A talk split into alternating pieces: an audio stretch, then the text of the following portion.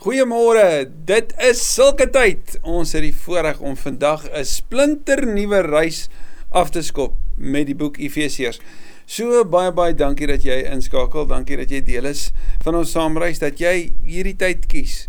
Ek bid, ons bid dat ons saam wees nie net vandag nie, maar elke keer ook met hierdie kosbare kosbare boek regtig lewensveranderend sal wees en weet soos ouer gewoonte hierdie notas, hierdie vars nuwe notas is ook vir jou beskikbaar en dat jy dit regtig met die grootste vrymoedigheid kan aanstuur. As dit vir jou iets beteken, deel dit met ander. Ons wil regtig dit wat ons wat die Here vir ons gee om te doen, voluit en tot die beste van ons vermoë doen, maar ons wil dit nie vir onsself doen nie. Ons wil dit doen in die in die hart van weggee is die lekker van Kerkgronde om 'n gemeente te wees wat gerig is op die nood, gerig is op die gemeenskap, gerig is op die uitbreiding van die koninkryk en daarom 'n gemeente wil wees wat weggee en hierdie is ook een van die wonderlike voorregte wat ons het om net weg te gee wat ek het om die te kan voorberei en te kan weggee ook vir jou mag dit regtig vir jou goed wees.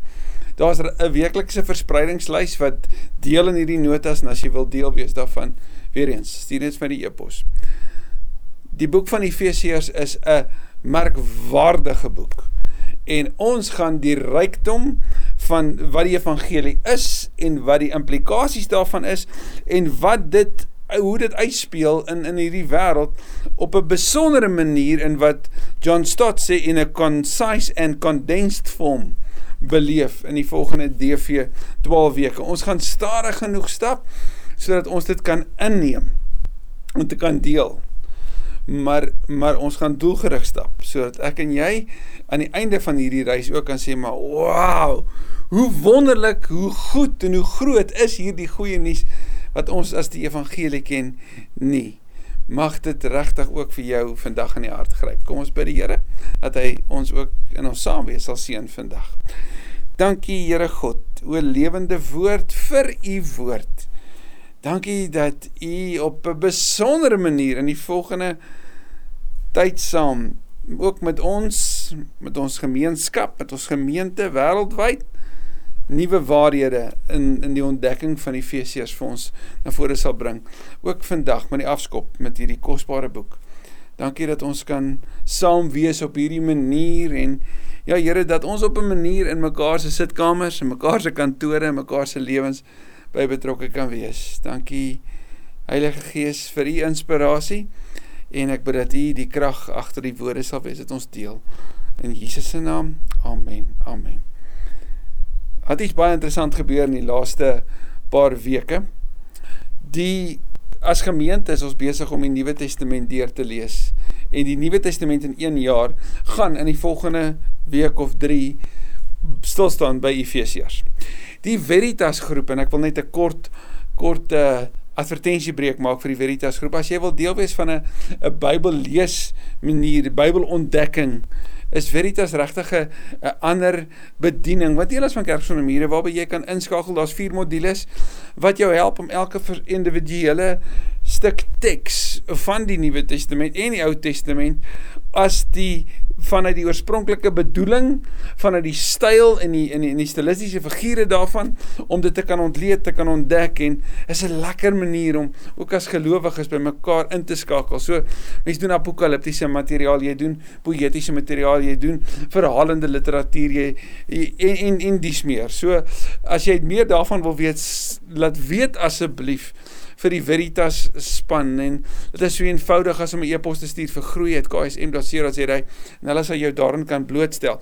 Want in Veritas 2 het die die die module 2 die al die kursusgangers van Veritas 2 so pas klaar gemaak met Efesiërs.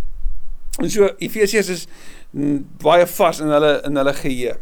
Maar nie net dit nie, in Augustus beplan ons 'n nuwe reeks as gemeente. En raai waar dit gaan kom? Ja, jy's reg, dit gaan ook uit Efesiërs kom met die hele hart van wat is hierdie goeie werke wat ons in hoofstuk 2 gaan sien waarvoor God ons bestem het. So moet asseblief nie een van hierdie kosbare oomblikke van die reis met Efesiërs misloop nie. Ons skop vandag af met hoofstuk 1.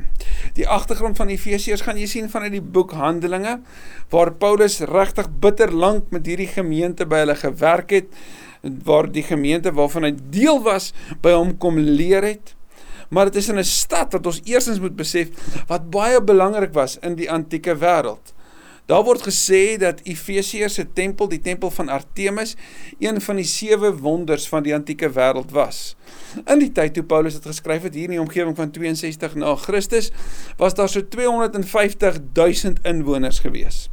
Efesiërs was 'n perfek geleede stad gewees wat seevaart en handelsroetes oor die land bymekaar gebring het.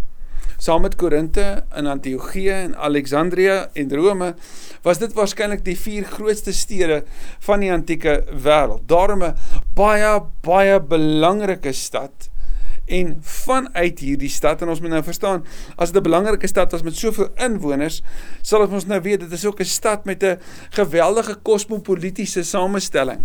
Daar was bitter baie Jode, maar daar was nog meer Grieke gewees wat saam in hierdie stad was en daarom ook in 'n gemeente wat oorwegend Grieks was. Moet ons weet dat daar ook 'n kosmopolitiese, 'n groot verskeidenheid van mense was wat lede was van hierdie gemeente. Paulus skryf vir hulle in 62 na Christus vanuit Rome, so dit is een van sy gevangenskapsbriewe. Dit val saam in die tyd van Filemon en en Kolossense en 'n jaar later sou hy natuurlik skryf aan die Filippense. Maar Paulus skryf met 'n baie direkte fokus en dit is om hulle te herinner aan die rykdom van die evangelie en die impak daarvan. Hier in hoofstuk 1 begin hy sy gesprek en sal ons volgende week sien loop dit uit op 'n gebed vir die gelowiges. So, kom ons spring weg.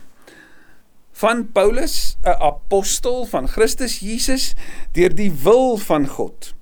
Eerstens kom sê Paulus, dit wat hy doen, sy apostelskap kom nie van hom af nie. Dit is God se wil. Die die Griekse woord thelema wat staan vir wil, beteken nie God het dit afgeforceer nie. Dit beteken dit is deel van God se raadsplan, God se beweging.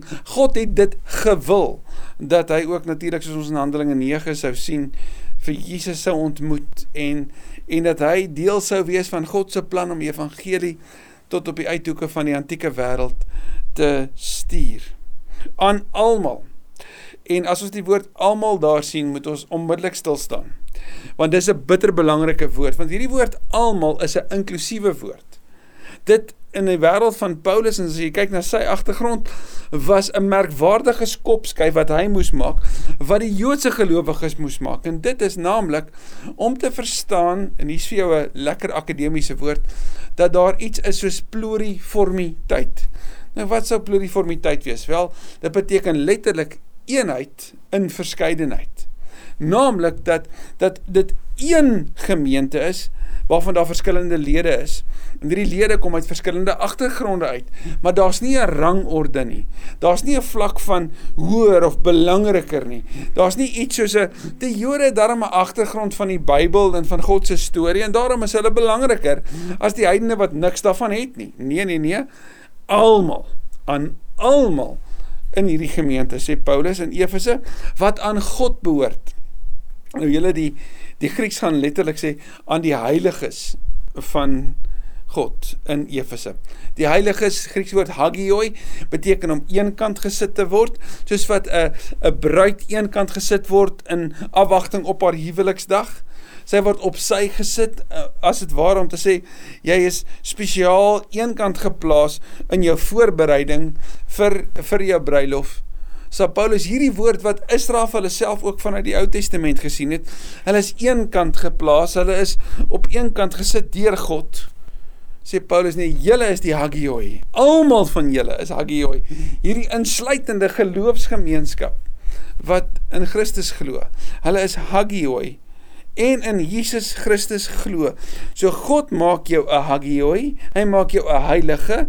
En en en en almal van julle, julle wat geheilig is en in Jesus Christus glo, want hierdie woord in Christus is 'n term wat as jy dit so losstel, die in Christus is tot 35 keer wat ons dit hier sien in die brief. En die in Christus self word 9 keer gebruik in hierdie brief dat as jy in Christus glo, as jy soos Johannes 15 sê, in hom ingeplant, jy's deel van hom. aan almal van julle wat in Christus glo en hom natuurlik as as die as die Here as die gesalfde as die gestuurde wat sê hy vir hulle? Vers 2 genade en vrede vir julle van God ons Vader en die Here Jesus Christus. Genade is 'n Griekse term. En dit was 'n manier hoe die Grieke vir mekaar gesê het mag dit met jou goed gaan mag dit met jou goed gaan genade. Die woord charis beteken geskenk. Dis 'n dis 'n onverdiende goedheid. Griekse term. Vrede. 'n Joodse term, Shalom. God se soewereine heerskappy. God se vrede wat hy bring. Selfs vanuit die groet kom sit Paulus hierdie twee bymekaar.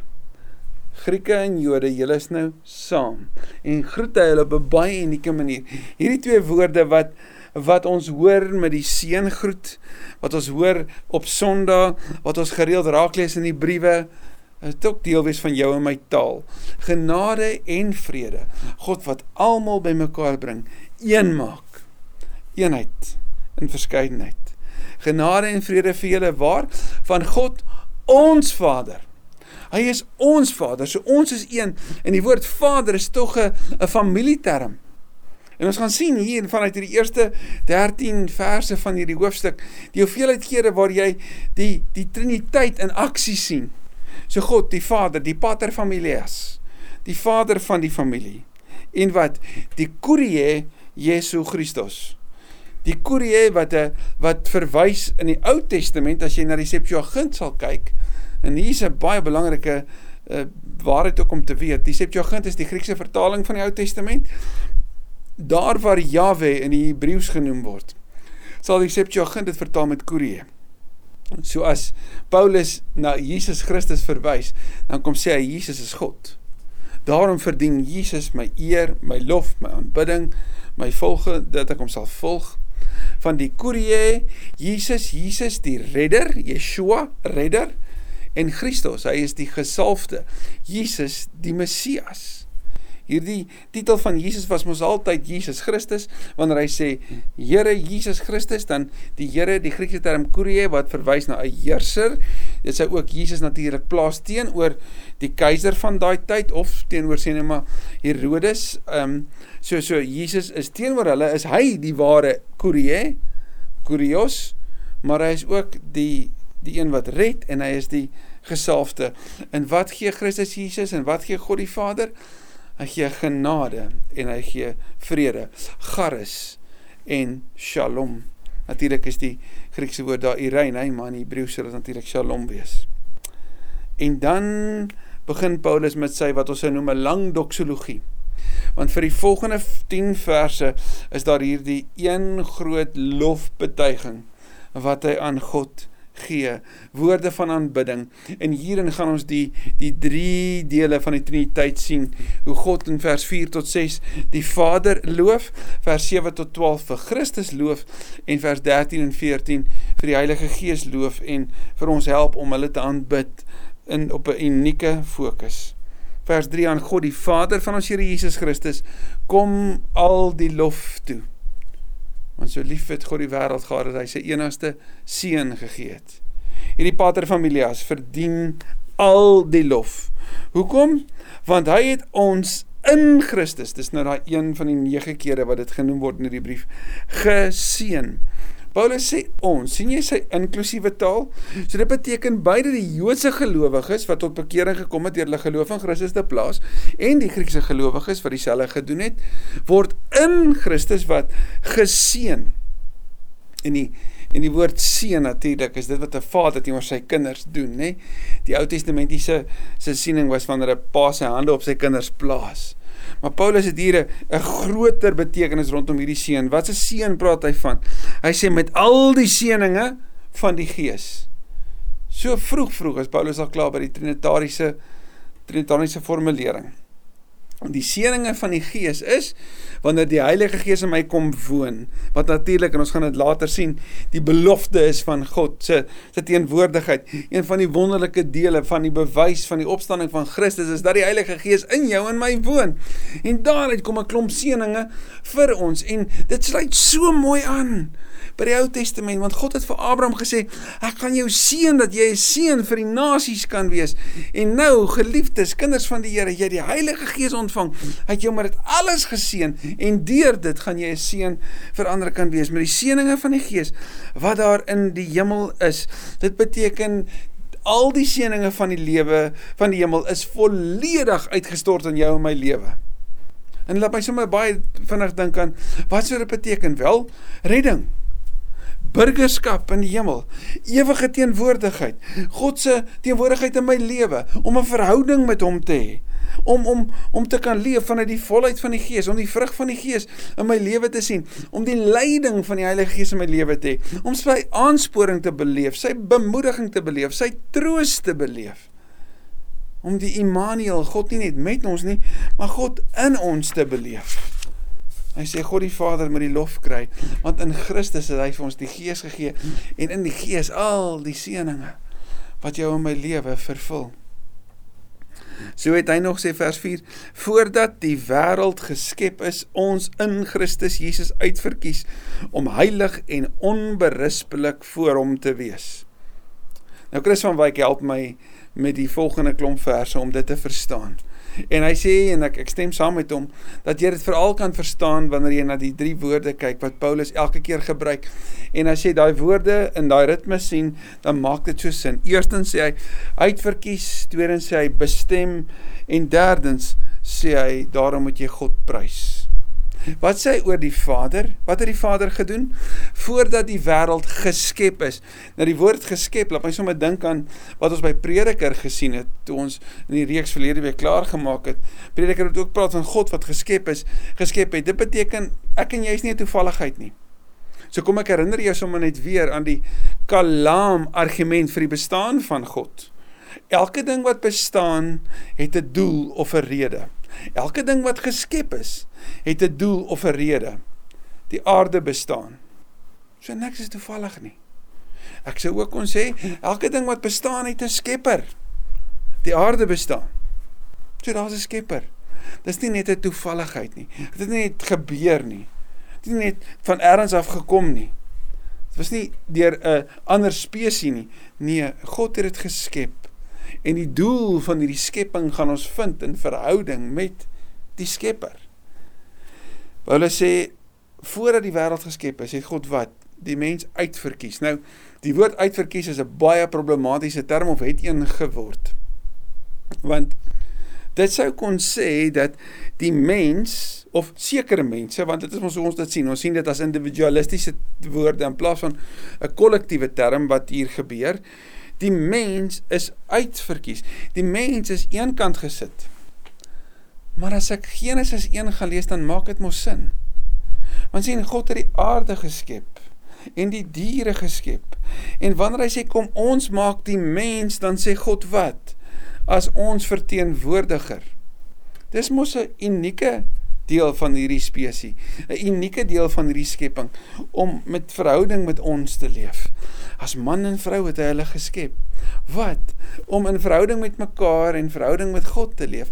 Daar's 'n baie besondere uitverkiesing daarvan, is dit nie waar nie? 'n uh, Eenkant gesit op hierdie spesies wat anders is as al die ander dele van die skepping, die mens in wie hy nefesh sy asem blaas sodat hy 'n lewende wese kan word en in verhouding met die Here kan leef.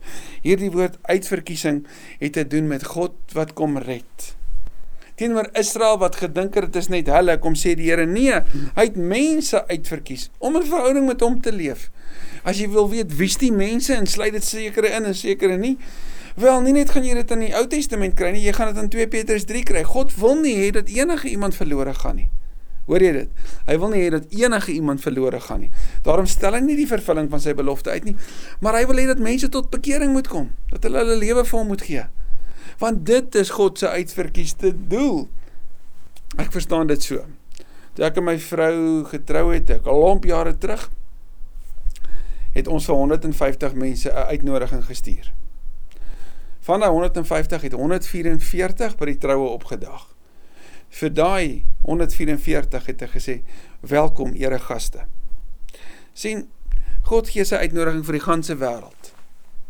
So aan die buitekant sou jy kon sê staan daar deur almal genooi. As jy deur die deur stap deur geloof in Christus, staan daar aan die binnekant welkom uitverkorenes.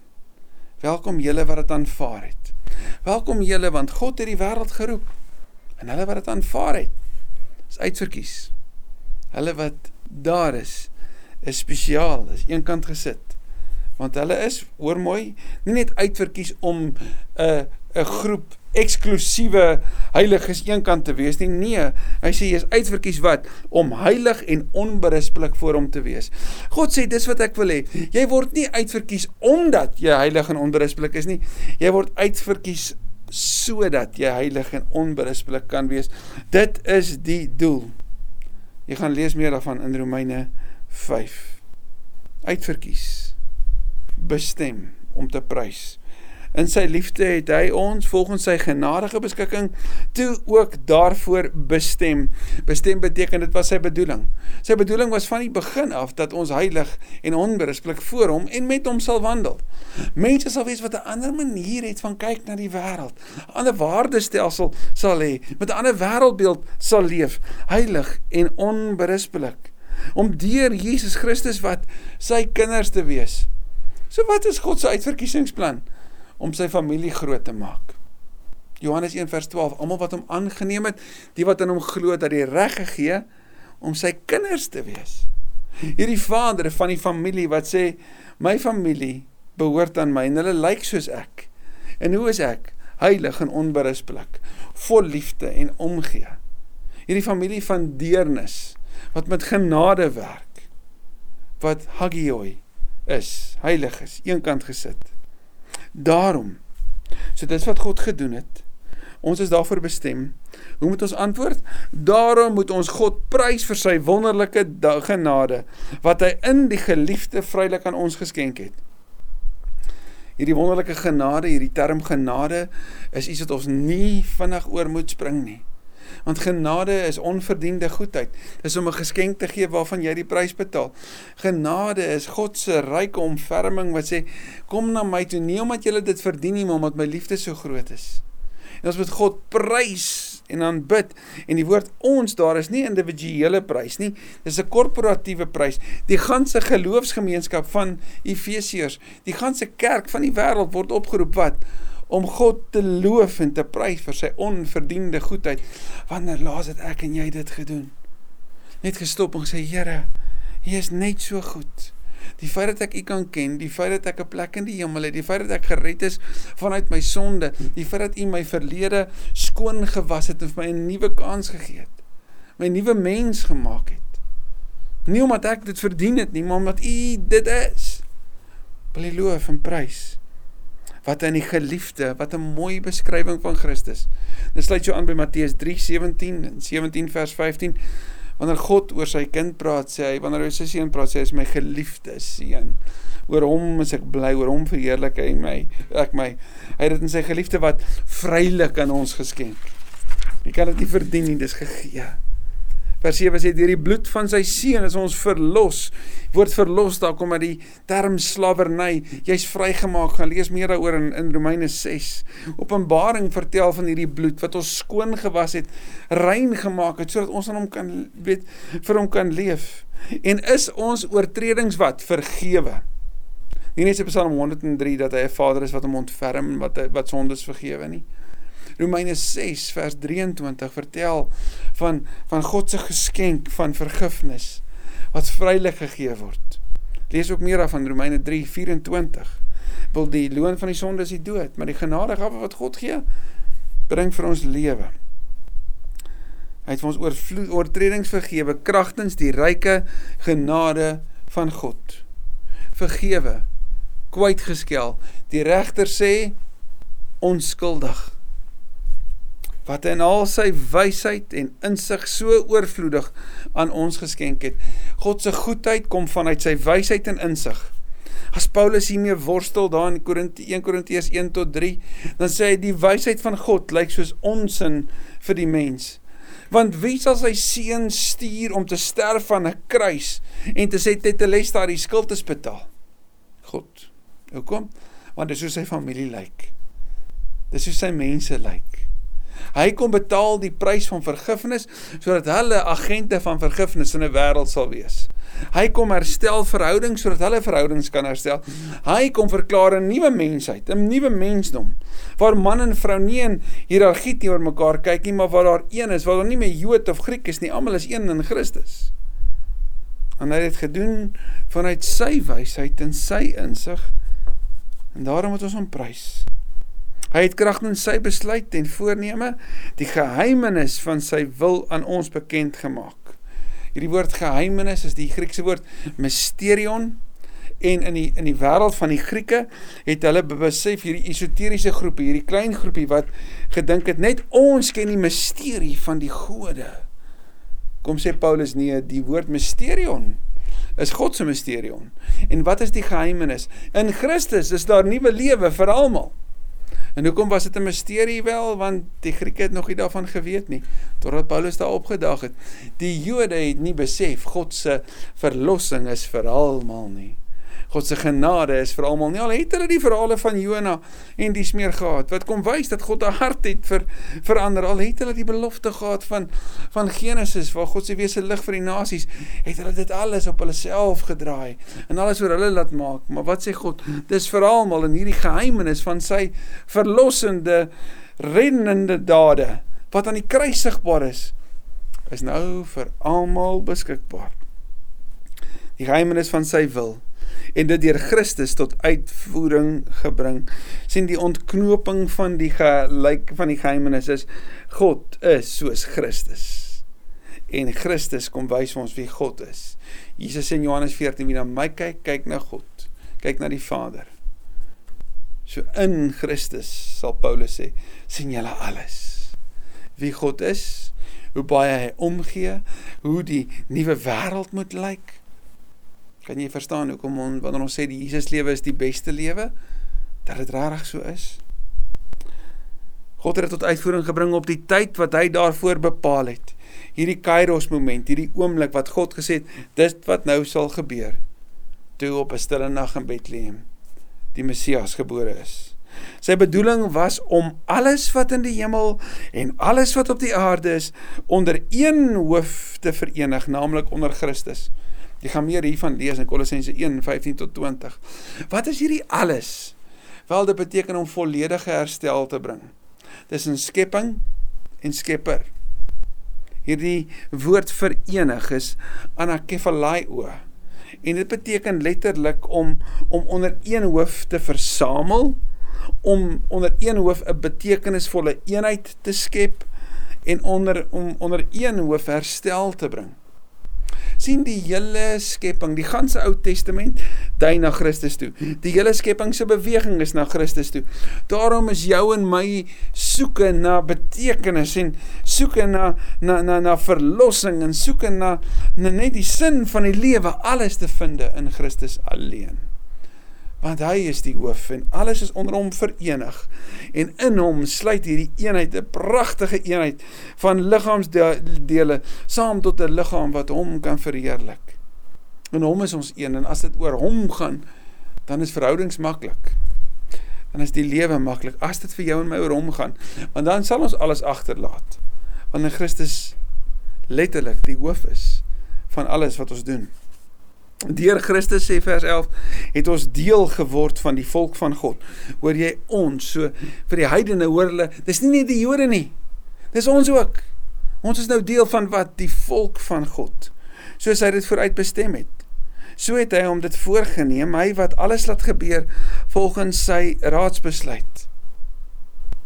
Paulus sluit so aan by sy agtergrond wanneer God vir Abraham sê ek maak jou lig vir die nasies.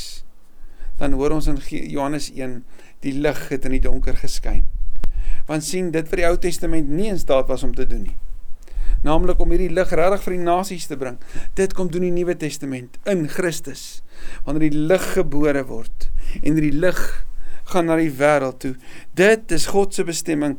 Dit het hy hom voorgenem om die wêreld te bevry van die mag van die sonde en om lig te skyn in die donker en om herstel te bring.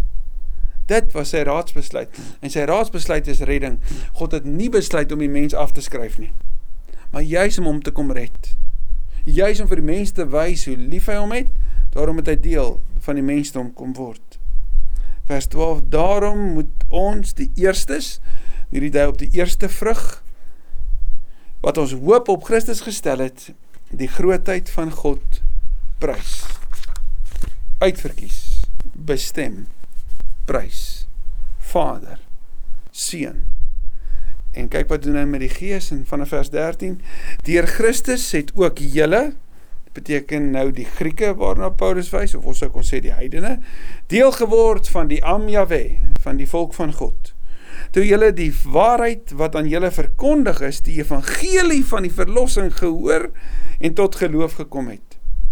Jo, as ons tyd gehad het, is ons so mooi stadig na elkeen van hierdie begrippe kon kon gaan kyk. Maar maar hoor net in kort. Paulus sê die waarheid is aan julle verkondig.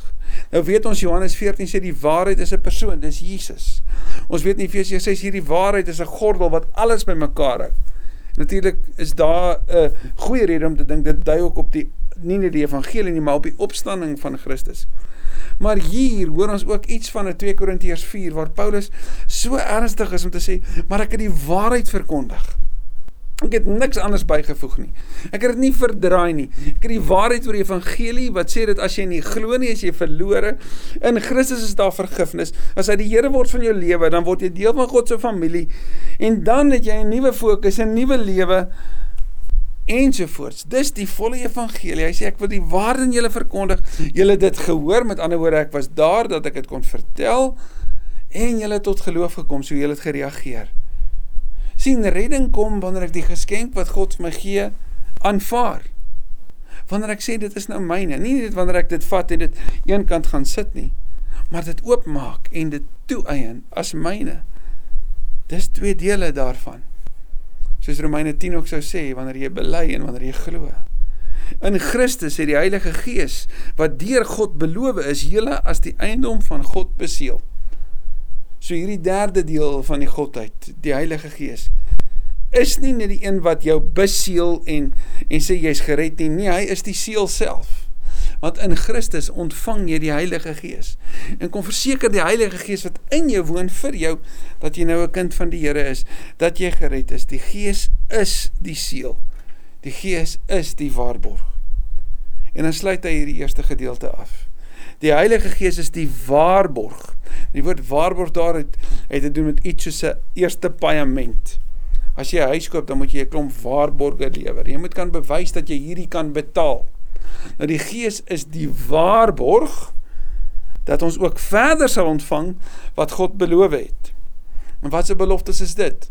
Natuurlik dit van die wederkoms van ons ewige tuiste, van die lewe na die dood, van dat die Here vir my sal lei, sal voorsien, sal sal aanspoor. Maar die Gees is die eerste. Die Gees kom verseker my wie ek is en wie sin ek is. Wanneer hy almal wat aan hom behoort volkome sal verlos. Nou die woord volkome is 'n baie interessante woord want is ons nie dan reeds verlos nie? Ja, jy is. Jy's verlos van jou sonde, jy's verlos van die mag van die dood oor jou. Jy's deel van 'n nuwe familie, maar jy's nog nie in die hemel nie. So jy leef in wat ons noem die kreatiewe spanning tussen die alreeds en die nog nie. Jesus het gekom, maar Jesus kom weer. Jy is gered van jou sonde, maar jy's nog nie gered vanuit die of volkome verlos vanuit die gebrokenheid van hierdie wêreld nie. En terwyl jy hier tussenin is, is die Heilige Gees daar om vir jou te verseker, moenie ophou nie. Hou aan.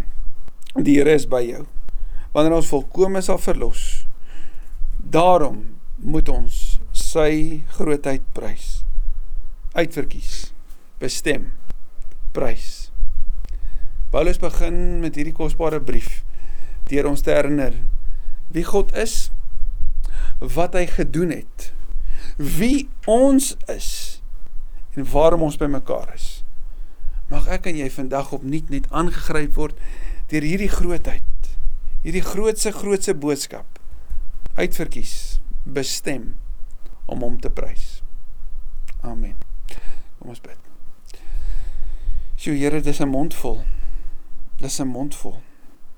Paulus het net so paar verse ons weer kan kom herinner aan die genade en die vrede aan die deel wees van die volk van God aan die verlossing wat Christus bewerk het die die vryspraak wat daar is aan die teenwoordigheid van die Gees wat in ons is en 'n Vader wat vir ons goed is. Kan ons nie anders as om te sê Here in hierdie oomblikke aan u die lof in die aanbidding in Jesus se naam. Amen hoop jy 'n besondere mooi dag